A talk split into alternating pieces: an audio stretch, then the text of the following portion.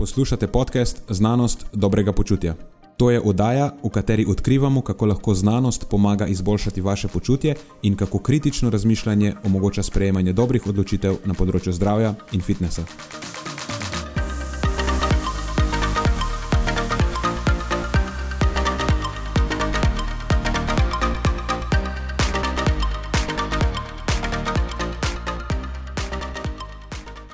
Pozdravljeni, z vami smo Nenad in moj novi sovoditelj Tim. Tim je naš dežurni specialist za vadbo pri Feelgood, zato smo se odločili, da v obeh glavnih temah tokratne epizode razčleniva dve zelo posebni obliki vadbe. Preden začnemo, pa se moram zahvaliti še našim sponzorjem. Zaenkrat to še vedno ni velika korporacija, temveč zvesti poslušalci, ki nam izkazujete zaupanje in podporo s prijavo v našo člansko skupino Znanost dobrega počutja. Hvala vsem, ki s tem držite luči prižgane in omogočate podkastu, da raste in postaja še bolj kakovosten. Hvala tudi vsem, ki nas podpirate s pozitivnimi komentarji in visokimi ocenami, ter s tem, da priporočate podcast svojim znancem in prijateljem. Zdaj pa je končno čas za začetek epizode. Uživajte ob poslušanju.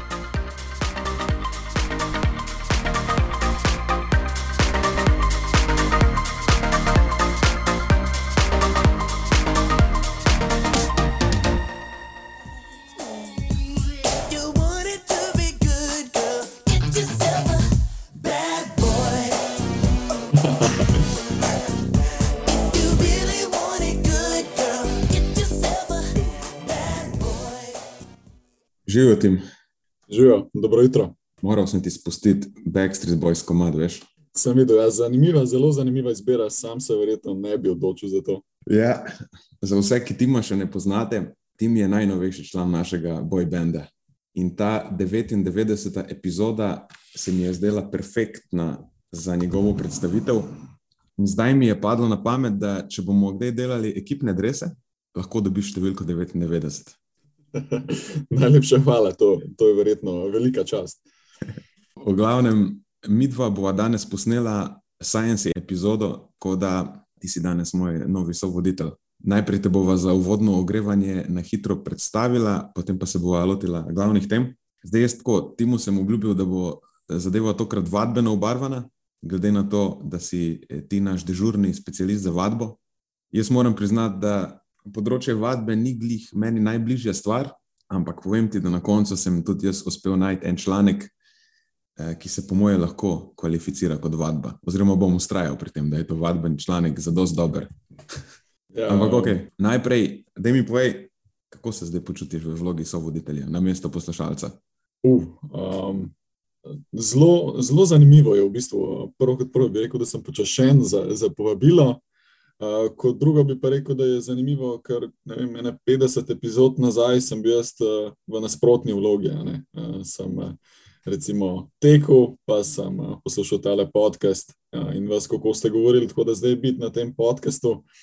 Je velika odgovornost, da bom tudi jaz kaj uh, pametnega povedal, uh, pa nadaljeval to vašo tradicijo uh, takih uh, zanimivih podkastov, poučnih podkastov. Tako da super, no, upam, da ne bom razočaral. Okay, odlično, meni so všeč ljudje, ki prevzemajo odgovornost. Eh, ok, je za začetek čistko eno tako splošno pa odprto vprašanje. Da nam malo sam povej, kaj, s čim se ukvarjaš, kaj te zanima, kaj te veseli. Ko je nekaj, kar bi rad povedal sam najprej, preden jaz začnem vrtati. Nekaj, kar bi rad povedal sam. Um, vedno, vedno sem se ukvarjal s športom, um, zdaj, ne glede na to, ker šport je bil. Um, vedno sem bil tam zraven, če je šport, se takoj prelepam zraven, sem takoj za. Um, deset let sem se ukvarjal z nogometom, od otroštva do mladostništva naprej. Uh, tako da to je uh, nekaj, kar še zmeraj ohranjam, je moj hobi in v, v nogometu neizmerno uživam. Trenutno zaključujem magistrski študij na fakulteti za šport, manjka mi samo še en izpit in pa zaključno delo, ki se ga v bistvu že lotujem, pa je dela precej več, kot sem sam mislil na začetku. Um, zdaj naprej, to je v bistvu to za enkrat, no? kar nadaljuje izvrtanje, pa bomo videli, kaj vse izvrtaš, ne pada mi več kaj tazga konkretnega na pamet. Ja, zdaj za naprej si že pečen, ne, mi smo te ugrabili. vem, ja, vem. Ja. Se s tem niti ne obremenjujem, trenutno uh, uživam v, v feel goodu in uh, tako naprej. Super. Pa, pa prvo vprašanje, zakaj si se odločil poskusiti pri Filgood? Ker vedel si, ko si prišel, da smo zelo izbirčni. Ja, res je. Um, tako kot sem že na zadnji omenil, spremljal, spremljal sem feel good že dlje časa, na začetku prvo Marija, pa njegove vsebine preko Instagrama, ker kot nogometaš nisem zasledil nikjer druge, v bistvu praktično nobene uporabnih takih vsebin, prehranskih, ki bi mi lahko pomagali recimo, izboljšati svoj performance. Zdaj v zadnjem obdobju je tega vedno več, ker je še Matjaš prišel in da on daje zelo koristne vsebine. Um, ampak takrat je bil, takrat je bil Marijo tisti, ki je v bistvu dajal take javne, proste vsebine, ki je lahko v bistvu praktično kdorkoli pregledal, pa rekel, ok, to bom jedel pred tekmo, ok, to moram jesti, da to pokrijem. Uh, in sem s tem začel, uh, si probo pomagati v bistvu pri nogometu. Uh, potem si ti začel s podcasti, uh, sem začel poslušati podcaste. In v bistvu od takrat naprej ste bili redno na meniju, ali kako bi temu rekel, uh, pri teku ali pa na Instagramu, ker sem imel nekaj časa za pogled.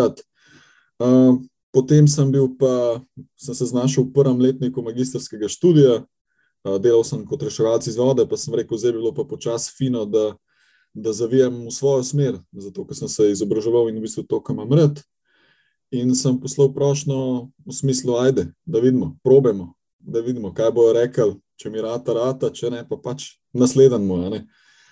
In uh, na mojo srečo ste rekli, dobro, ajde, dajmo probati, bil je za dosti dobro. Drugač, spomnim se dosti živo, ko smo dobili tvoj CV oziroma to celo prošnjo. Zraven si poslal še, kako se temu reče, motivacijsko pismo. Je, tako. Tako je. ja. Te, mislim, teh zadev dobimo tako pa relativno dost, ampak Marijo mi je potem poslal ta tvoj mail, preposlal ta tvoj mail. In ko sem to prebral, sem rekel, ok, gledaj, ta pa očitno izstopa, da mu ga povabiti na sestanek. In po se je zgodil ta sestanek. Da mi povej, kako si se počutil pred sestankom, pred tem, ko si nas poznal. Ker imel si pač neke izkušnje od nas, tako iz poslušanja, nisi nas poznal, kakšni karakteri smo. Ja, mislim, eh, valjda zelo nervozen. Zelo nervozen sem bil, nisem vedel, eh, kaj ne pričakujem. Ampak pol na prvem sestanku, v bistvu, ko se vse skupaj začel, mislim, prvo bi še to povedal, da sem stopil noter, pa pa vidiš. Um, Marija, ne, dva metra, ufak, pa Matjaža pol tam preteče nekaj, cel vesel, uh, pa tebe sem pol zagledal, na začetku si me tako resno pogledal, pa si pa videl, kdo sam, si se takoj nasmejal. Sem bil tako, wow, to se, to se res dogaja, um, ampak valjda zelo nervozen, eh, živčen, živčen. Prav je tako. Mi hočemo, da so oni, ki pridejo na razgovor, najprej živčni. Takrat se razkrijejo vse, vse njihove hibe, a ne? takrat Ja, se ja, pride na plan. Treba je postaviti ljudi najprej pod pritisk. Um, dobro, da mi povej, s kakimi pričakovanji si prišel, kako si si predstavljal, tudi da če rečemo ja, da začnemo sodelovati, in pa potem v primerjavi s tem, kaj si dejansko dobil pri Filgu. Ali si dobil to, kar si pričakoval, ali je drugače? Ja, v bistvu um, zelo zanimivo bi rekel, da nisem praktično nič pričakoval. Um, bolj, sem šel, bolj sem šel v smer, bom tole probo, pa bomo videli, kako bo. Ker predtem nisem imel uh, toliko velikih izkušenj, nisem niti vedel, kaj pričakovati. Uh, zato, ker sem poslal prošlo, sem rekel, bomo videli, bomo videli, kam me bojo dali. Sem iz vadbe, rad bi delal, uh, delal s športniki, rad bi delal z ljudmi. Uh, pa bomo videli naprej. Tako da moja pričakovanja v bistvu um, ni- niso, bila, niso bila tako specifična. Imel sem pa feeling, da se bom imel dober. To sem pa imel feeling, uh, ker iz podcastov, ki sem vas poslušal, uh, ste bili drugačni, niste bili, niste bili taki. Uh, Pa ne bom rekel, niste bili samo specifično strokovni, zaprti, hladni, samo strokovni. Tukaj so stvari, to je to, ampak ste bili zabavni, to je bilo meni, to je bilo meni, to je bilo meni top. ne. Uh, in uh, v bistvu, kar se tega tiče, to sem tudi dobil. Uh, zabavamo se, fino se imamo, ampak absolutno tudi delamo tako, kot je treba. Um, tako da to je v bistvu to. No. Okay. No, da pa zdaj povej, tako čisto splošno, še, kako dejansko zdaj tvoje delo pri Filgu poteka, kaj, kaj točno delaš? Um, Moje delo v Filgudu uh, poteka v bistvu, da, da se zjutraj zbudim, skoraj sredi noči bi lahko rekel. Uh, pridem v fitness, ponavadi istočasno takrat kot Matjaš, um, in začnemo delati s strankami. Začnemo delati s strankami, ki pridemo na vadbo, strank, sto različnih strank, um, sto različnih problemov, ali pa samo želijo izboljšati svojo, uh, svojo vzdržljivost, moč uh, in tako naprej. Uh, to je dopoldanska runda, tam do 11. Uh, potem vmes, uh, ker sem še na faksu, moram seveda leteti na faks, tam od 12. do 2. Sem pa na, ponavadi na faksu, se ukvarjam z različnimi stvarmi, z magistrsko, s predmetom, ki mi je še ostal. Potem od 3 naprej pa sledi uh, druga runda, druga vadbena runda, a, ki se ponavadi konča tam ob, ob šestih, sedmih, spet treniramo z ljudmi, vadimo. Um, in to je približno to, kar počnem pri Filgudu, ponedeljek, sreda, četrtek, petek, recimo nekaj, nekaj takega. Torek pa imam še, še tisti dan off, ki v bistvu ni off, ampak je v bistvu dan, dan za faks in za, za naše stvari, ki jih delamo in pripravljamo za naprej. No, super. Želel sem to, da poveš, da v bistvu pri Filgudu so urniki zelo natrpani. Ja. To je tudi razlog, zakaj je to bil do sedaj tolikšen usip. Ja. Ljudje, ki eh, želijo delati pri Filgudu, um, ampak potem pričakujejo eno stvar, dobijo pa drugo stvar. In tudi spomnim se, ko smo se z Marijo, pa to je bilo potem, recimo, par tednov potem, ko si ti prišel pogovarjala, ko sem jaz vprašal, jaz sem drugačen tak ful nezaupljiv tip. Mislim, da sem najbolj nezaupljiv tip pri Filgudu. In me mora nekdo res prepričati. tako da, pol sva Se, sej, tim, imam tudi eno anegdoto, ki jo bom povedal kasneje, kako je v bistvu Tim mene kupil, oziroma kje je bila točka, ko sem nehal biti, popolnoma nehal biti nezaupljiv do njega. Ampak najprej to, da dokončam. In eh, pravi Marijo, ja, mislim, da bo to to, mislim, da se bo izkazal. Tako, res se zagrabo, res dela. Vidim sicer, da je malo pretresen, da ni pričakoval, da bo to tako, ampak da se ne pusti motiti in da je pač z- z- zagrabo zadevo, da je gla, dal varianta onoga z glavo dol, pa gremo naprej tudi skozi zid, če bo treba. Tako, to je bila meni prva indikacija, da ok, ta model očitno ima, kar potrebujemo pri nas. Ja, res je. eh, Mislim, te, te delovne ure na začetku ste me še malo šparali, pol pa je bilo kar, pol pa je bilo kar gas. Uh, še dobo sem, recimo, uh, to sem kar vedel, da bo test od Marja, je bilo, je bilo vprašanje, a boš vstal tudi popovdne. Jaz sem rekel, je pač, valjda, da bom vstal tudi popovdne, se delate tudi popovdne. In on je rekel, tako, ok, ok. In pol, ki se začnejo nabirati uh, te dnevi, uh, pa prideš ob sedmih domov, pa imaš še kar nekaj stvari za narediti. V bistvu bi se naraj vrgel kar na kavč, pa delo noč. Um, to se pol uh, kar poznaja. Ampak zaenkrat mi ta tempo uspeva, ga uspem uh, držati, tako da upam, da bo šlo tudi naprej. Ne? Odlično. Zdaj pa lahko jaz povem svojo anegdoto. Pred, eh, kdaj je bilo, da se spomniš? Ne, tukaj je bilo en dva meseca nazaj, mogoče mesec nazaj. Ja, Prej si šel na dopust. Ja. Ja, tako. Ja, Odločil sem se, da grem na kolesarski dopust in tik pred tem v bistvu sem začel se, da je mu reči, temu malo bolj resno ukvarjati s kolesarjenjem. In ker sem vedel, da bom mogel na dopustu biti tako, dosti spodobno pripravljen, in se je volumen mojega treninga skokovito povečal. In je mene začelo hecati koleno, tako dobesedno en teden pred dopustom. A veš, ono, ko se pripravljaš, da boš pa tako v spodobni formi, pa pa šit, glih te začne ono koleno boleti. In potem jaz razmišljam, okay, kaj bom zdaj, bom to se sam s tem ukvarjal. In se spomnim, si tako na tima najprej. Ok, super, lej, zdaj imamo dežurnega specialista za vadbo, oziroma nekoga, ki se dejansko spozna tudi na poškodbe.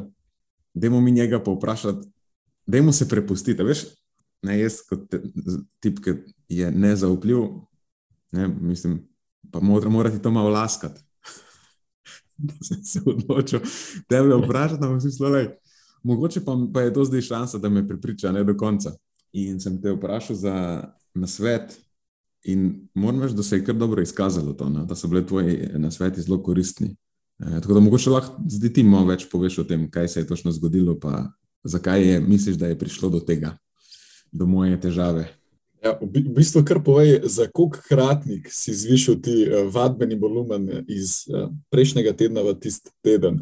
To lahko poveš, to številka je bila kar zanimiva. Okay. Ja. Dobro, zdaj jaz nisem čist, kako bi temu rekli, na področju kolesarstva. Mislim, lahko bi rekli, da sem eh, devičnik, kar se tiče kolesarjenja specialko. Okay? Ampak jaz sem drugač predvsej ur naredil s kolesom že prej, ker je moje glavno prevozno sredstvo in recimo, da sem bil na dan tako uro ali pa včasih tudi dve na kolesu. Ampak je to čist nekaj drugega. In pol specialko sem začel kolesariti, tako pa sem naredil pač prvi teden, no, itak, malo po malo, tam 50 do 100 km. Ampak vedel sem, da pa nimam veliko časa, ne, da imam dobesedno dober mesec ali pa še malo časa, da, da, se navadim na to zadevo. In pol je bilo naslednji teden tako 150, pa mogoče še kak teden, pa 200. In pa sem rekel, lej, mislim, to je super, ne. Mene je zdaj potegnila, ko mi sem čakal, da grem spet. In potem je, ni da sem planiral to, ampak čist po nesreč je bilo pol en teden, oziroma tako en teden, pa še malo, vse skupaj je naneslo tako okoli 400 km. In pol Ja. naslednji teden, mene začne koleno boleti, in tudi tisti naslednji teden je bil tako relativno bogat s kilometri. In um, dvakrat sem pošel kolesariti, ker me je že koleno bolelo, po, potem je postalo pa tako neznosno, pač nisem več mogel. Uh, in je valjda to mene zdaj zaskrbelo, ker čez en teden bo treba odkolesariti še več kot 400 km na teden. Ja, to si v bistvu opisal uh, zelo klasičen primer, kaj se zgodi. Um, tetive, tako kot je bilo v tvojem primeru, ne marajo nenadnih sprememb oziroma hitrih sprememb. Uh, to si ti kar lepo demonstriral. Ne vem, se mi zdi, da se spomnim, če se spomnim jaz slike, je bil en teden 100 km, po naslednji teden je bil pa 400 km. To mogoče se za, za, za vas poslušalce štirikrat nekaterim ne zdi tako velik, ampak obljubim, da je to ogromno. Uh, ogromno večji volumen v primerjavi s prejšnjim tednom, kar je povzročilo take majhne poškodbe v tetivi, ki so seveda začele boleti. Uh, to je zelo pogosto, tudi recimo zdaj, ki počasi uh, ratujejo lepi dnevi, sončni dnevi, ko ljudje prej niso tekli, zdaj pa kar naenkrat gremo, pa gremo pet, gremo deset, gremo petnajst, pol pa v tle neki pod kolenom, neki čutim. To so ponavadi bolečine v tetivah, in mi dva z Nenadom so poskušala z izometriko. To so v bistvu statične vaje, primeri, da lahko recimo položaj izpadnega koraka, to je bila za Nenada aktualna, ker je kar dobro telesno pripravljen. Je šel v položaj izpadnega koraka v najnižjo točko, se pravi tik nad tlemi, in je v bistvu samo držal. S tem je tetiva pod velikim, pod velikim bremenom, ampak se ne premika. Torej, zadeva v teoriji pomeni, da to ne sme boleti in pomaga k celjenju. Zdaj, če se prav spomnim, Nenad, to ti, je, to ti je pomagalo in ti je uspelo v bistvu v enem tednu, 14 dneh, izgubiti bolečino, pa potem napredovati naprej v, v kolesarjenje. Ja, bilo je zadost dobro, da sem lahko normalno odkolesaril, recimo tisto eno turo, ki sem imel v planu, včasih je vmes začelo me zafrkavati. Sem bil pa ja, presenečen, tako na začetku, okay, to ni šans, da deluje. Veš, ker si tako, pa moraš počivati, da mine. To, to je nekaj, kar večina, po moje, verjame. Ampak je bilo izjemno zanimivo, kako je že ena ta serija do odpovedi v bistvu, um, kako se je bolečina zgubila takoj potem. Tako Ja. da tudi poslušalci, ki poslušate to, probajte tudi zdaj v spomladanskih časih oziroma poletnih časih stopnjevati razdalje, recimo teka, ne začeti, ok, pa sej, sej hodim v fitness, sej, sej sem kar v redu na 5 km. Uh, raj začnite s kakšno intervalno metodo, nekaj teka, nekaj hoje, ali pa začnite 2 km, pa čez 2 dni 3 km, pa pol 4 km. Uh, si boste prešparali uh, bolečine, uh, skoraj zagotovo. Ja. Tako da, lej, še na tej točki hvala tim, ne. to je bilo ono, tuk, tukaj me je kupo, ne. jaz sem ga takrat čist posvojil. Jaz vedno počakam, da bi ljudje rešili kak problem, pa polim začnem zaupati šele. Si v bistvu kar eh, dosti časa bil nezaupljiv, v bistvu, če tako pogledam, skoraj pol leta si me, eh, si me tako mali strani gledal. V bistvu. Ja, sej, naj ti Matjaš pove, ne. Kaj ima on, on, on On še ima podobno, eh, on skri- ima, po, ja, sej on ima A podobno ja, iz, iz izkušnje. njegove, iz njegove Ja. ja. izkušnje. Ja. Dobro, mene samo zanima, a, a si, sem te hitrej kupil kot on ali on hitrej. To je zdaj. To, je zdaj, Hmm, to pa ne vem, to se bo se mogla pa vidva, pa to se jaz ne spomnim, se boste mogla zmeniti. Ga bom vprašal, kakšne ima on, kakšne ima on spomine na to. Um, da imam še eno tako vprašanje, ki bi mogoče uh, zanimivo, komu preden greva na glavne teme. Mi na splošno delamo z ljudmi, ki so doskrat neki taki high achieveri, ki so ljudje, ki imajo full stvari v življenju za početi. Kakšna je najboljša vrsta vadbe za nekoga takega, ki nima časa ali pa je zelo obremenjen z drugimi stvarmi? Ker se mi zdi, da to je eno tako vprašanje. Okay, zdaj nimam full časa, bom šel teč, varianta ali pa ne vem. Si bom kupil kolo, pa bom šel po službi od kolesarita ali kaj takega. Kaj pa ti misliš, kaj je najboljša oblika vadbe v tem primeru? Ja, klasično vprašanje. Kaj ne pa jaz zdaj delam, da bom v najkrajšem času dobil največ? Um, v bistvu odgovora na to vprašanje nažalost ni. Potrebna sta, kot že večkrat omenjeno, vadba za moč in pa uh, vadba za vzdržljivost. Vadba za moč, sej se da tudi v 30 minutah marsikaj narediti, ampak pač seveda odvisno od ciljev. Uh, kar se tiče povadbe vzdržljivosti, imamo pa tek, imamo hribe, uh, ti si omenil sicer kolo, ko, kolesarce, ki jih jaz poznam, ponavadi na kolesu niso pol ure, ampak so precej dlje časa.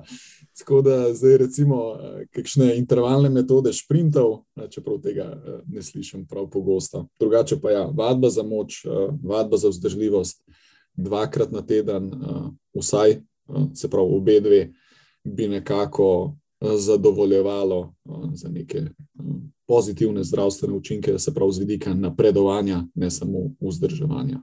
Cevniki, ki poslušajo ta podcast, vejo, da je moj moto, oziroma če bom kdaj kandidiral za politično funkcijo, itak bo, takrat bomo ime kampanje, bo um, kvihte in kolove vsak dom.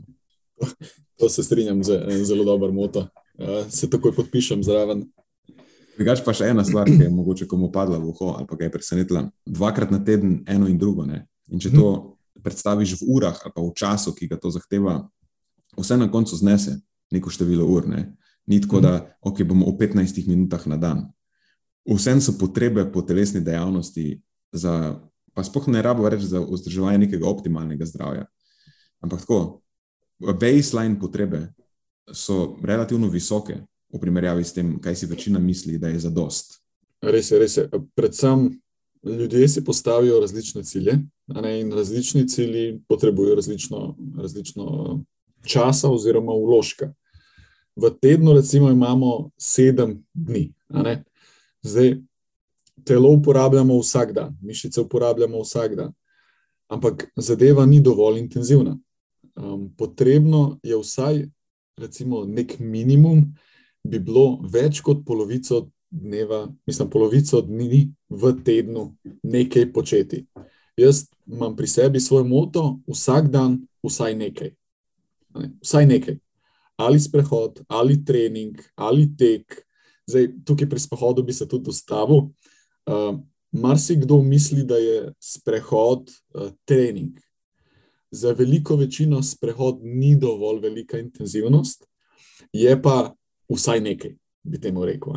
Zdaj, če, če nimamo časa, če, če je gužva na cesti, če se nam nekaj modi, pa bi sam nekaj radi naredili, še zmeraj sprehod v naravo, 30 minut, vrhunsko. Se odklopi glava, pozabimo na različne stvari, se sprehodimo, uh, super. Ampak potrebno je še zmeraj uh, si določiti, uh, kako bi rekel, neke treninge uh, in, in se tega držati. Uh, pa, kar si umenil, dvakrat na teden oboje. To zdaj ne pomeni, da je treba v ponedeljek vadba za moč, v četrtek vadba za moč, v torek, se pravi vzdržljivost, petek vzdržljivost. To se lahko oboje naredi na isti dan. Uh, Matjaž mi doskrat uh, pove, med vikendom gre on lepo teč, vmes se ustavi uh, na štangah, mi rečemo, se pravi, recimo te mali, mali parkci so z, z štangami, z različnimi temi uh, lesenimi pripomočki in se tam lahko naredi spodoben trening. Se naredi počepe, se naredi uh, sklece, kakšne druge stvari, in v bistvu ubiješ dve muhi na en mah. mah. Pritečeš do tja, narediš tam trening za moč in otečeš nazaj do doma. Ja, mislim, to je super na svet. Na dan, ko imaš recimo malo več časa, več boš tekel mogoče pol ure, eno uro, pa boš naredil še pol ure, ajde eno uro, mogoče treninga za moč. Ja, vse to je dve uri, mogoče na ta dan maksimalno, ajde, dve uri je že dost, ampak lahko združiš recimo v en dan Ja, absolutno. pa pol med tednom, pač kak dan, ja, ne vem, mogoče kdo bo delal cel dan, kaj pa izvem, pa imaš neke druge obveznosti, pa družino, pa tako naprej. Pa bo on dan pač malo manj telesno dejaven, ali pa sploh ne. Ja, sej, uh, vsak dan absolutno ne bo znesel. Živimo v takem obdobju, ko imamo na- natrpano, natrpano dan, uh, tempo, uh, ampak glavno je, da imamo v mislih to, če lahko naredimo vsaj nekaj, vsaj nekaj. Če ne danes, pa jutri, jutri pa moram. Uh, Sama mentaliteta je zelo pomembna, ker pogosto se pol zapade, dan se mi ne ljubi, eh, jutri tudi ne, čez sredo pol ne moram, četrtek, ja, spet je nekaj vmes prišlo, pa gre teden. ne. Ja. In pa gre teden, pa gre 14 dni, pa pa kar naenkrat, ojoj, zdaj pa že nekaj časa nisem nekaj naredil. Pa na koncu je stvar prioritet, ki se zdaj, Tako zdaj je. kdo misli, ok, zdaj pa še un vikend, ki imam fraj, bom pa kao še telovadil. Ja, lej, mislim, nisem si jaz mislil tega, koliko rabiš telesne dejavnosti za zdravje. Sam pravim ti, kaj moraš narediti. Ne? Don't, hate- don't hate the player, hate the game. Tako Pač je. tako je, to so dejstva. Ok, super. Mislim, da so se ogrela, si ogret, a se počutiš ogreto. Vroče, vroče. Odlično. Po pa, zdaj najbrž te že zanima, kaj sem jaz pripravil. Ne? Kakšen je ta vadbeni članek, ki ga imamo v planu danes zate? Ja, bo- bolj me zanima, ker si nekako v narekovaje si postavil vadbeni članek. Tako da razkri, prosim, kako zares vadbeni je ta članek. Okay. A, Zdaj je, Samo še trenutek, verjetno ne bo besede flavonoidov noter. ne bo flavonoidov. Okay, dobro. Če, čeprav um, mislim, da neko splošno temo, uh, s katero smo flavonoide že povezali, pa spada ta članek. Aha, okay, se pravi. Ja. So, so, so, lahko, lahko bi bili noter. Ja, v tem konkretnem čl- članku mogoče ne, ampak na splošno na področju um, zdravja, s katerim se to ukvarja, uh, če upoštevamo, da v to področje spadata oba spola, pol bi, so tudi flavonoidi tako zelo nadaleč lahko povezani. Ampak, ok, bom najprej prebral naslov članka v angleščini, pa bo ga bo pol nekako prevedla.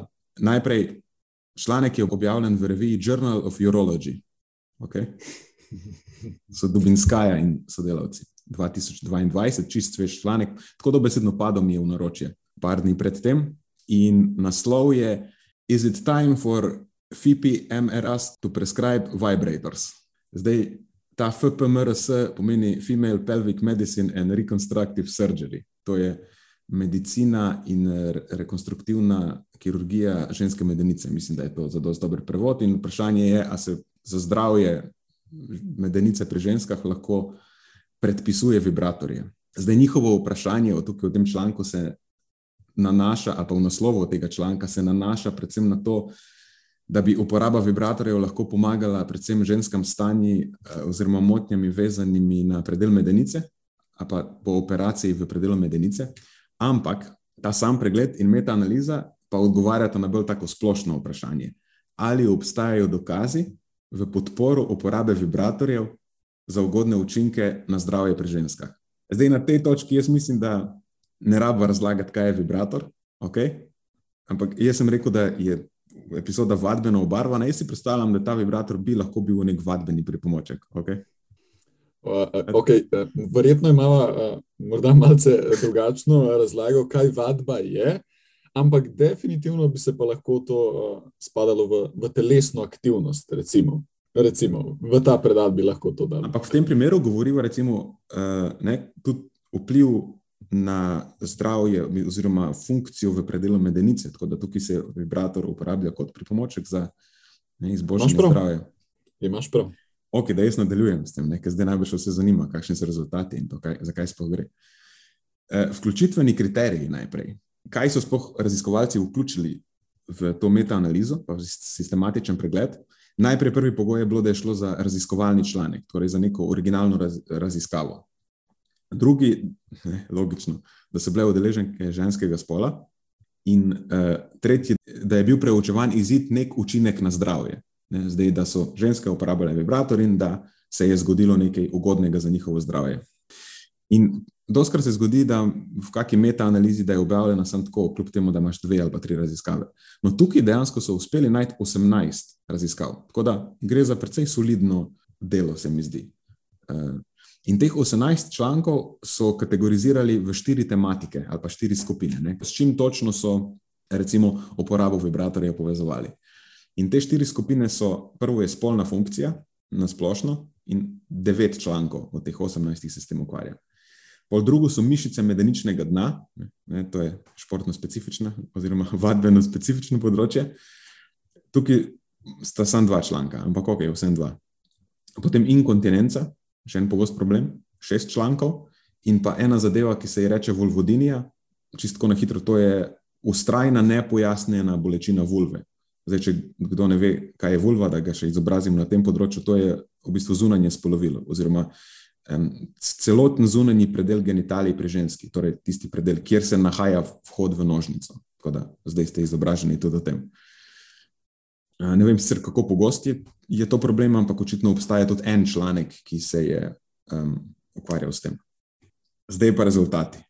In rezultati pravijo, da v vključenih raziskavah so se vibratorji izkazali kot eh, sprejemljiva modaliteta, to je mogoče sprejemljiva prilagoditev, lahko temu rečemo, za izboljšanje ženske spolne funkcije, in uporaba vibratorjev je bila pozitivno povezana s povečano željo po spolnosti, s povečanim zadovoljstvom. Zdaj, to zadovoljstvo je nek eh, uraden prevod slovarjev, jaz imam raje besedo potešenost, ampak ok, pustimo to, pač se bomo držali uradnega prevoda. In uporaba vib- vibratorjev je bila pozitivno povezana tudi z izboljšano spolno funkcijo. Plus, dodatno, v metaanalizi se je potem pokazalo, da je, pazi besedo, vibracijska stimulacija, to je vibratory stimulation v angliško, izboljšala moč mišic medeničnega dna, eh, zmanjšala je simptome vulvodinije in zmanjšala je simptome inkontinence. Tako da izjemno pozitivni rezultati. A je na tej točki nekaj, kar te z- zanima, bi želel, da razčlenim? Uh, ne, Mogoče, v bistvu kar se tiče za- um, moč mišic, meden, mišic medeničnega dna, to je Ja, področje vadbe, na, na vadbenem, vadbenem uh, delu podcasta, ne, prosim, nadaljuje. Ne? Ok, super. Mislim, sej, imam samo še zaključek, ne bom predolg. Kaj je bil zaključek avtorjev? Pravijo, da pač glede na potencijalne ugodne učinke uporabe vibratorjev na zdravje medeničnega predela pri ženskah, bi moralo biti uspodbujanje uporabe vibratorjev eh, vključeno v zdravljenje ali pa uravnavanje stanj na področju medeničnega dna, in ker vibratorji niso dovolj dobro preučevani, in glede na obetajoče rezultate dosedanjih raziskav, bi se moralo v prihodnje več pozornosti in sredstev nameniti um, raziskovanju uporabnosti vibratorjev za različne namene, tudi v preventivne namene. In pač mo- jaz moram reči, da se s tem zaključkom v celoti strinjam in mislim, da bi se vsi lahko veliko naučili iz tega in pač imeli veliko korist od tega. Tako da to je bil zdaj moj prispevek. Ne. Tudi nekako proba se ta podcast uh, pozicionirati kot en tak sex positive podcast. Mislim, da je pomembno, da se o tem pogovarjamo več. Tako da, ne, če smo čisti eh, realni, to je bil en namen tega segmenta, prvi namen. Eh, moramo izobraževati o relevantnih aktualnostih iz tega področja. Plus je še ena specifična zadeva, ki se mi zdi zelo pomembna. Pa vse lahko mi boš povedal, če imam prav pa ne. Jaz imam feeling, da ima še vedno veliko ljudi, ok, se ne vem, če je prav beseda ljudi, veliko moških, da ima eh, odklonilen odnos do vibratorjev. In meni se osebno to zdi dosti škoda, oziroma zdi se mi celo, da je to nekaj, kar moramo nujno popraviti, in to je moj prispevek k temu, ker dajmo biti čisto realni. Ne? Objektivno gledano, vibratorji so super stvar. Ker govorimo o zelo uporabnem urodju, a pa da reč temu pripomočku, mislim, da je to bolj primerna beseda za vibrator. In res mislim, da je en velik, velik bonus, če zna tudi moški z njim učinkovito rokovati. Ker tukaj ne na zadnje, ne, kot nam kaže metaanaliza Dobinskaja in sodelavcev, tukaj se gre za zdravje. In najbrž se bomo vsi strinjali, da je zdravje partnerke vsem ena ful pomembna stvar. Tako da mislim, to je to na tej točki. I rest my case. Ne vem, če ti želiš še kaj dodati. Se mi zdi, da si v bistvu povedal vse pomembno tukaj na tem področju. Sicer nimam eh, veliko izkušenj, ampak eh, če je znanstveno to dokazano, potem eh, se mi zdi, da je nesporno, da v bistvu temu, temu sledimo. Ne? Ok, super. Mi je všeč, da smo na isti valovni dolžini. Um, Tako da zdaj mogoče lahko razmišljam, da bom razširil slogan moje kampanje. In od slišimo, zdaj naprej, ja, od zdaj naprej to bo treba majice narediti. Um, kvihte kolo in vibrator v vsak dom. Zdaj razmišljam o domu, ne to je o, o domu, kjer moški in ženska živita skupaj. Ker kaj si bo moški sam z vibratorjem pomagal? Ne, no, mislim, kaj pa jaz vem, whatever rocks your boat, ampak recimo, da govorimo o um, skupnem gospodinstvu. Ja, tukaj smo pa že, že pokrili veliko večino eh, zdravja. Ne? Ja, ja, se mi zdi, da je ena taka zelo celostna strategija. Absolutno. Bom čez štiri leta resno razmislil o, vstopu. V, mislim, da lahko dosežemo zelo pozitivne spremembe. No? Se, Da se Slovenija to strinjam. ja. potrebuje. Ja. Se strinjam. Okay. Ok, super. Uh, no, zdaj boš pa ti na vrsti. Mi dva sva se takrat pogovarjala, ko sva nekako planirala to epizodo, da bi se dotaknila enega članka, ki smo ga pred časom, oziroma ki ste ga v bistvu tudi ti bil uh, nekako tukaj bolj šef, kar se tiče tega, Tako je. Ja. da, ja, da se to predstavi ljudem. In gre za eno zadevo, ki je nekaj časa, se mi zdi, že zelo popularna. Jaz sem to vedno gledal tako malo po strani, meni se je zdelo vedno malo smešno, ampak um, očitno je popularno in temu se reče vadba z elektrostimulacijo, če se ne motim, oziroma elektrostimulacijo je to celotnega telesa, tako EMS whole body. EMS WB je kratica, se mi zdi. Je Tako je, ena stvar, ki te v bistvu, tako po domače povedano, ko te priklopijo na elektriko z, z nekim jopičem in pol neke žice visijo z tebe in potem ti delaš neke počepe, oziroma pač razne, ponovadi je to vadba z um, lastno težo ali pa z nekimi utežmi. In zdaj to naj bi ti omogočalo, da v par minutah porabiš neko nenormalno količino uh, kalorij. Um, zdaj, meni osebno, tako že v štartu, se mi zdi to skupaj malo brez veze, tudi če bi to držalo, ker namen vadbe ni kurjenje kalorij, namen vadbe je izboljšanje telesnih sposobnosti, ampak pustimo to ob strani, boš ti povedal več. Eh, Ker jaz nisem specialist za to, zato imam tebe tukaj, Tim, kot dežurnega specialista za vadbo in telesno pripravo pri nas, da nam zdaj malo, malo, da nam pojasni, veš, kaj sploh je to, uh, kako je ta zadeva dejansko učinkovita in podprta z dokazi, ali bi nekomu to svetoval, ali se je boljše izogniti temu velikemu loku, ali veš, vse te pomem- pomembne stvari. Ja, preden začnem, imam samo eno vprašanje, kako hiter moram, moram eh, iti čez ta članek, imamo še nekaj časa ali Mava, splošnim zadevam? ves čas, ki ga na svetu imamo. Ves čas, ok, dobro. Potem pa začnemo kar na začetku. Kaj v bistvu EMS je, oziroma ta vadba? EMS je v bistvu kratica za Electromuscle Stimulation, kar v bistvu v slovenščini pove, a, prevedeno pomeni a, elektromišična stimulacija. A, Zdaj, zadeva v bistvu ni, ni nič novega. Začetki uporabe elektromišične stimulacije segajo v, v nadaljevanju, bom govoril kot EMS, da ne bo predolgo trajalo, eh, sega v 19. stoletje. Eh, Takrat je že v bistvu Michael Faraday eh, intenzivno preučeval eh, te učinke električne stimulacije pacijentov, ki so imeli različne motorične težave oziroma težave z aktivacijo mišic. Uh, Leta, konkretno leta 1860 pa so na trg začele prihajati prve naprave, že v bistvu, ki so jih uporabljali v bolnišnicah za terapevtske namene, za zdravljenje teh težav. Zdaj, če ste bili že kdaj uh, tako poškodovani, v bistvu, uh, da se vam je po- pojavila mišična atrofija, uh, so vam po vsej verjetnosti že svetovali, kakšno napravo za stimuliranje mišic. Uh, najbolj pogosto uporabljeno je beseda TENS, verjetno je že vsaj kdo od poslušalcev uh, slišal, če ne vsaj uh, sprobal. Zdaj, uh, pri rehabilitaciji po poškodbah se v praksi pogosto svetuje uporabo takšnih naprav, ki stimulirajo mišice, ali pa direktno živce, ki posledično stimulirajo mišice. Kot sem že omenil, obstaja več takih naprav, ki jih fizioterapeuti oziroma zdravniki prepoznajo in tudi predpišejo, a, kot so TENS, NES, NMS, to so različne kratice.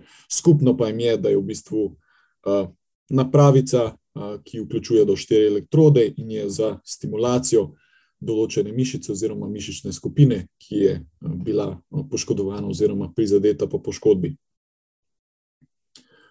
Torej, naj, najbolj pogosti in učinkoviti načini uporabe EMS vključujejo lajšanje bolečin, poškodba pri cirkulaciji krvi, celjenje poškodovanih celic in pa predvsem aktivacijo mišic po poškodbi.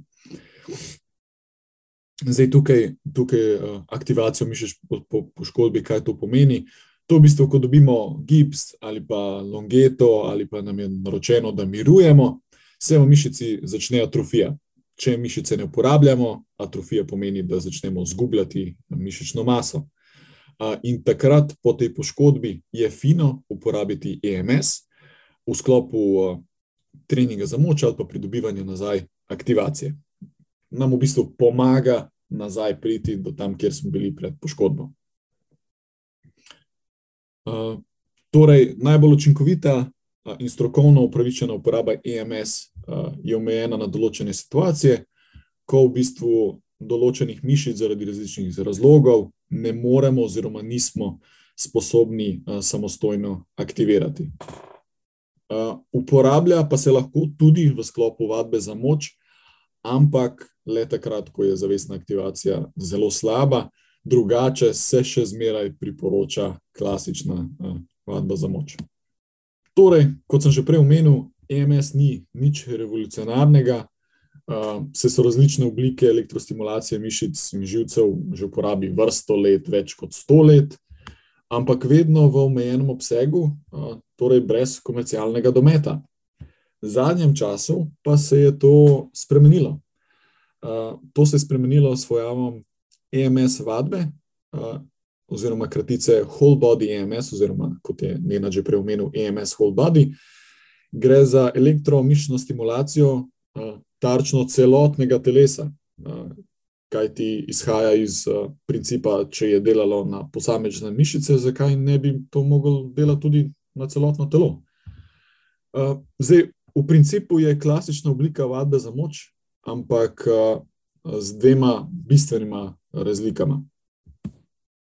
Pri tej vadbi se namreč nosi posebni jopič, kot je že Nenad omenil, te priklopijo v bistvu v narekovajih na štrom, ki prevaja nizke in srednje frekvence električnega toka.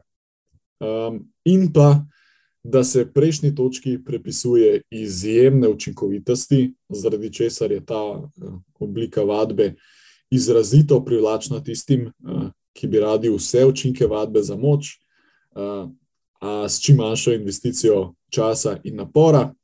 V bistvu bi, bi prodajalci te zadeve odgovorili na tvoje prejšnje vprašanje, katera vadba je najboljša, bi v bistvu rekel to. Ker vadbeni princip tega je enkrat na teden 20 minut. To je to. To je dovolj za vse pozitivne učinke uh, in uh, za, za napredovanje. Uh, To je že v startu ena velika rdeča luč, če vam kdo to reče, kadarkoli. Ker če nekaj zveni predobro, da bi bilo res, potem ponavadi je. Mislim, to velja na področju zdravja, tako na splošno. Tako kot so prej že rekla, pri zdravju ugodni učinki pač zahtevajo določen vložek in tega ne moreš, to je tako zakonitost vesolja. Čez to ne moreš. Tako je. Pač res je. 20 minut, enkrat na teden, nažalost, ni dovolj. Ne, jaz razočaram, ni dovolj. Um, najbolj pogosto uh, vadbeni protokol, priporočen vadbeni protokol je, kot sem že omenil, enkrat tedensko trajanje 20 minut in uh, stimulacija z nizkimi frekvencami. Zdaj, tistega, ki zanima v raziskavah, se najpogosteje pojavi protokol uh, frekvence uh, 85 Hz, uh, širina pulza je 350 mikrosekund in pa 6 sekund trajajočim impulzom, ki mu pa sledijo uh, 4 sekundni odmori. Se pravi, v bistvu tale whole body EMS je poskus nadgraditi tisto tehnologijo EMS, kot, ki, smo, ki je uporabljena pri rehabilitaciji s posebnimi opičami in to prenesti na področje vadbe, in seveda s, s takimi absurdnimi stavki prodati, prodati ljudem. Če nadaljujem tukaj v, s praznimi obljubami, uh, whole body MS vadbe, naj bi bila, da, da, da z elektrostimulacijo dosežemo aktivacijo več mišičnih vlaken, uh, kot pri navadnem treningu vadbe za moč. Um, čeprav to ne drži, oziroma tudi če drži, je v bistvu odgovor, pa kaj pol. Ker če omogočimo za nekaj odstotkov več mišično aktivacijo, kot bi jo zmogli doseči brez jopiča, to še ne pomeni, da bo drastično boljša učinkovitost, ali pa da bomo, kot so, so te lažne trditve, da bomo zaradi tega pokurili na stotine odstotkov več kalorij, pač naravnost samo ne. Uh, oglaševanje, tudi ki spremlja uh, Whole Body EMS vadbo, je naravnost bizarno. E, če boste to zadevo pogooglali, boste lahko videli zanimive, absurdne trditve, recimo glas, da boste v vsega 20 minutah uh, celotnega telesa z elektrostimulacijo porabili od 10 tisoč, pa če se prav spomnim, tudi do 4000 kalorij v 20 minutah. To je zavajajoče, da ne, da ne rečem še kaj drugega. To je skregano z vsako logiko in pa z našo uh, fiziologijo. Uh, kot je tukaj doskrat na podkastu omenjeno, je to, uh, bi lahko rekli, alternativna fiziologija. Ne? Uh, bi bilo, mislim, to, ta stvar bi bila nevarna. pa To so že zadnjič, ker so se ukvarjali z eno drugo obrobno metodo, z Ja, Matjažem. S, s tem bi se potem lahko ubil v enem dnevu. Tako je, res je. Ja, sej že, že če pogledamo 20 minut, 4000 kalorij, damo to krat 3, je to 12.000 kalorij v eni uri. Zdaj pa naj nekdo proba v celem dnevu zaužiti 12.000 kalorij. bi, prišlo bi do spontanega samoužiga, če bi bilo to res. ja, Oziroma v tem primeru sploh ne bi bil spontan, ampak bi se tako prižgal zaradi tega. Ja, moram pa sicer eh, tu dodati, da, da vseeno navajajo opozorila, da, da 20 minut je dovolj, da več kot to uh, niti ne izvajajo vadbe. Ampak kljub temu 4000 kalorij v 20 minutah, uh, pač še en. Ne. Tudi naprej trditve sem zasledil, da je 18krat bolj učinkovita kot vseh ostalih uh, oblik, in pa da lahko v 20 minutah dosežemo učinke 90-minutne vadbe. Pač, uh, zmanjkuje mi besed, kako ne opišem to zadevo. To, to so v bistvu laži. in Tuk, tukaj sem še to. Tudi če recimo ne drži 4000, ne, pa bi kdo rekel, ok, ampak kaj pa če 1000 vseeno uporabi, ne? Lej, ne more niti 1000 več. Po vsem tem, kar vemo, kaj zahteva poraba kalorij med telesno dejavnostjo, nekdo mora tako res, res, res intenzivno vaditi, da poveča veš, svojo porabo, recimo, če govorimo na minuto, tako za kako kalorijo ali pa dve ali pa tri. A Veš, tako, tudi oni, ki so, kaj sem bral zadnjič, pa je bila že to, mi je bila eh, tako zelo nenavadna ugotovitev, ki so testirali neke elitne veslače, to pomeni, da so olimpijski veslači, veš, to so živali. In je bilo tako, da v eni minuti porabijo 60 kalorij. In je bilo tako, ok, kaj ste vi delali? To zihar ni bil, ker nisem pošel v droboje te raziskave, ampak veš, zihar ni bil napor v cele minute, ampak je pač bila neka standardizirana mera na koncu, koliko kalorij na minuto. Ampak jaz sem prepričan, da oni tega napora niso vzdrževali celo minuto, ampak tako mogoče 10-20 sekund, ne? ker to je ne vem, koliko vatov bi mogel za to uložiti v, v ta veslač, da bi dejansko prišel do 60 um, kalorij na minuto. Veš, in to so elitni veslači, ki proizvajajo bolano količino napora, oziroma pač eforta dajo. Ne? Ja, res je. Jaz tukaj bi lahko mogoče samo dodal, da teh 60 kalorij, oh, ja, pa tudi v minuti si rekel. Ja, Okay, ja, to, je, to, je, to je mogoče malo prehiter. Zdaj, recimo, mi v, fitnessu uporabljamo tiste salt bike, uh, pa tudi veslača imamo, ampak to je, to je potrebno obrniti kar visoko število vatov, da, da dosežemo te številke. veslanje Je- nek, a veš, whole body effort. Uh, delajo noge, del, v, v bistvu vse dela. štev, ne spomnim se točno, koliko so jim ocenili vatov, ampak to so bile stotine. ne, tako da, ne, ampak še zmeraj sem skeptičen, tako 60 kalorij na minuto, to je izjemno dost. Pa tudi, če bi recimo 60, rečemo 60, ker to je neka, po mojem, do zdaj največja številka, kar sem jo videl v dejanski Ja. raziskavi. Če to zdaj pomnožiš z 20, ne dobiš veliko. Ja, res je. S tem, da se ustavi že, že, že pri številki, no pa da je probej to držati še eno minuto. Po mojem se že tukaj se ustavi. Ni čas, da to to- sploh minuto ja. držiš. Ja, ker tako intenzivnost, to, to je kot da bi nekdo rekel 25 minut sprintati. So srečo, probej, ne gre. To je to. Uh, ok, pa da ne bom samo uh, blatil po EMS, uh, whole body vadbi, gremo pogledati še znanstvene dokaze. A ja, ups, še zmeri bom verjetno blatil. Um, zdaj, Utrnila v spomin se mi je prav uh, ena raziskava, uh, ki jo je navajalo eno izmed podjetij, ki se s tem ukvarja. Uh, v raziskavi so v bistvu navedli članek, v kateri je whole body EMS vadba primerjana s kontrolno skupino, ki, pazi to, ni delala nič. Se pravi, v teoriji primerjali so ljudi, ki so počeli nekaj, z ljudmi, ki niso delali nič. Torej, dokazali so, da je nekaj bolje delati, kot delati nič. Čestitke. Čestitke. To se mi zdi, da do zdaj še nismo vedeli. Tako da to je super, ena izmed super raziskavami. Tukaj se pogosto vprašam, kako to sploh pride čez neke recenzente in uh, ljudi, ki bi to morali pregledovati. Ampak, ok, ajde, recimo, da so dokazali, da je EMS vadba, kljub temu, da ima določene pozitivne učinke. Um, resnica je v bistvu takšna, da manjka kontrolnih raziskav, uh, ki bi primerjali konvencionalno uh, metodo in EMS, whole body metodo vadbe. Peščica je takih preliminarnih raziskav, ki na tem področju dejansko obstaja, kažejo pa mešane rezultate, bodi si v prid osnovnih metod, se pravi klasične metode vadbe za moč, ali pa recimo te vadbe EMS. A pri slednji gre bolj kot ne, da, da na račun časa malce prišpara, kot kakršne koli druge učinkovitosti.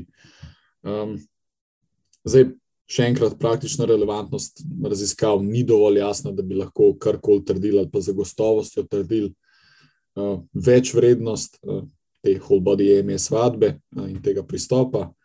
Uh, zato uh, te trditve, ki so navedene, uh, so navedene pač. Uh, prehitro, oziroma če ne, ne drugega, uh, z uh, zavajanjem, v bistvu komercialno zavajanje, klasično. Uh, zdaj, pomembno vprašanje, uh, ki ostaja tudi glede pogostosti treninga, je rekre, rekreiranje zgolj enkrat tedensko. Nažalost, ne bo prineslo rezultatov, ki si jih večina želi, ne zdravstvenih, ne estetskih, ne glede na jakost štroma, s katerim vas bojo tresali. Uh, nažalost, ne bo šlo tako lahko. Če se pa dotaknemo tukaj vadbe vzdržljivosti, pa lahko na tem področju z zagotovostjo trdimo, da EMS uh, ni boljša opcija uh, za izboljšanje kapacitet srčno-žilnega sistema v primerjavi s standardno metodo, se pravi v primerjavi uh, hriba, teka, kolesa in drugih metod, no, s katerimi se izboljša vzdržljivost. Tukaj v literaturi ni nikakršnih dokazov, ki bi vsaj nakazovali drugače. Okay, naslednji sklop tukaj je varnost same, no, same EMS vadbe, te whole body EMS vadbe. Um, obstaja kar nekaj zdravstvenih stanj, v primeru katerih se, se EMS vadbo odsvetuje. Bom šel kar na hiter čez in bom sam naštel. Recimo uporaba srčnega spodbujevalnika, uh, obstoj ali zgodovina kakršnih drugih bolezni srca in ožilja, endoproteza, nosečnost, bolezni ledvic, hude motnje v cirkulaciji krvi, ateroskleroza, hernija, rak in pa kakršne koli nevrološke bolezni, recimo multipla skleroza ali pa epilepsija. Uh, te, uh, te navedbe pogosto niso navedene zraven tistih trditev, da se lahko shujša, pridobi mišno maso, uh, zato je na to treba biti pozoren. Um, še ena stvar je tukaj pri varnosti, ki je zelo pomembna. Izvajalci večinoma predlagajo nizke in srednje frekvence, ki so tukaj, lahko rečemo, povsem varne, ampak te se uporabljajo tudi pri rehabilitaciji poškodb. Vprašanje je, ali lahko se prav s, tem, s to frekvenco potem res napredujemo, ali pa dosežemo nivo stimulacije, ki je više, kot jo v bistvu zdrava oseba uh, lahko doseže. Zdaj, više frekvence so potrebne za večjo aktivacijo, ampak povišanje više frekvence lahko hitro postane zelo tvegano početje. Recimo, če predstavim drugače, če se mišično preveč, mišico preveč stimulira, lahko pride do poškodb tkiv na lokalni ravni. Se pravi, to je recimo primerjava EMS vadbe, ki je samo za eno mišico. V tem primeru, pa ker je uporabljen jopič, je namenjen aktivaciji celotnega telesa oziroma več mišičnih skupin. Če tukaj dodamo previsoko frekvenco, povzroči izrazito tveganje za hujše sistemske poškodbe, se pravi poškodbe celotnega telesa. Zato morajo biti izvajalci pri taki vadbi izjemno pazljivi in dobro poučeni tudi o izključitvenih dejavnikih ali po morebitnih, uh, napakah pri samem delovanju sistema, da lahko to hitro opazijo in popravijo, da slučajno ne bi prišlo uh, do kakšnih zdravstvenih zapletov. Torej, za zaključek, če samo na hitro povzamem, EMS in pa EMS whole body je potrebno uh, razlikovati. EMS v, v uporabi um, po poškodbi, se pravi, v rehabilitaciji je učinkovito, uporabno, se ga svetuje. Za whole body EMS je pa potrebno še malo počakati, znanstveni dokazi um, ne dajo um, nobenih um, kakršnih koli nakazovanj, da je to izjemno učinkovito, tako da zato bi svetovali, da se še malo počaka. V tem času pa izberite druge preverjene metode, konvencionalne metode, ki pa zagotovo delujejo.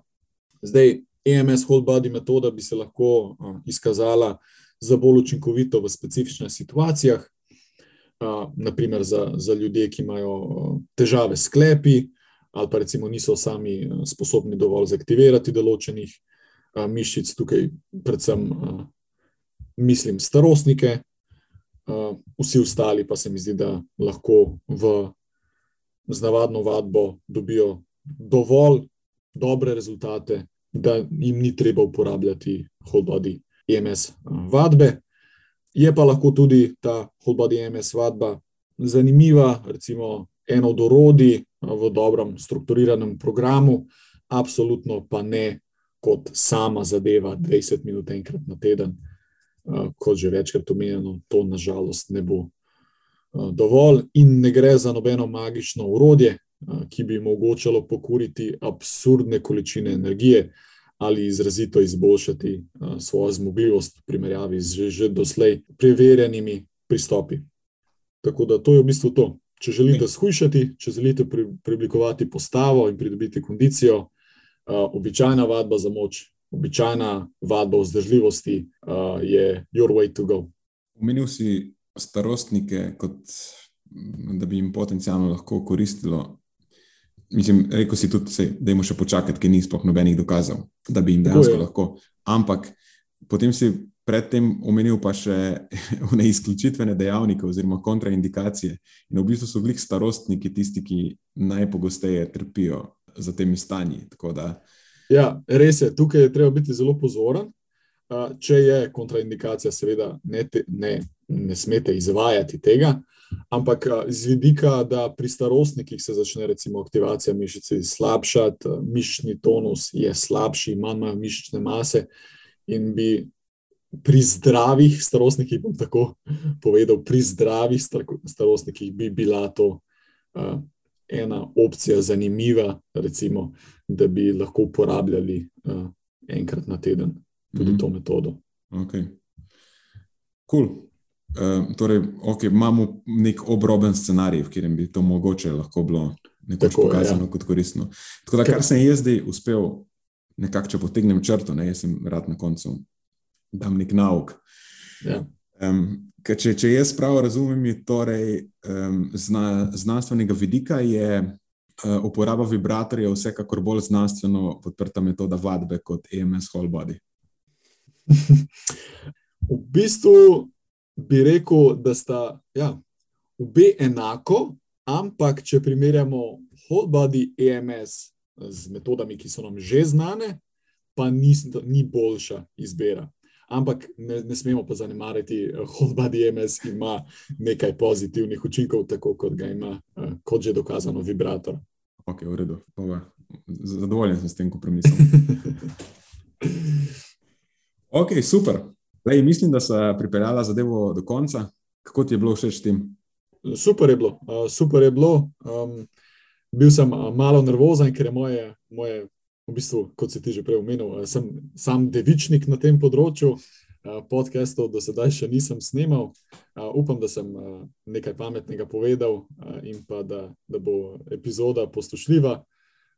Drugač pa super, verjetno se še kdaj slišal v prihodnosti. Absolutno, vsekakor si upravičil moje zaupanje tudi tokrat. Super, veseli. Se, se mi zdi koristno, da vključimo tudi nekak, ta vadbeni del malo bolj na redni bazi v repertoar epizod, tako da vsekakor bova, uh, bova ponovila. Super, se že veselim.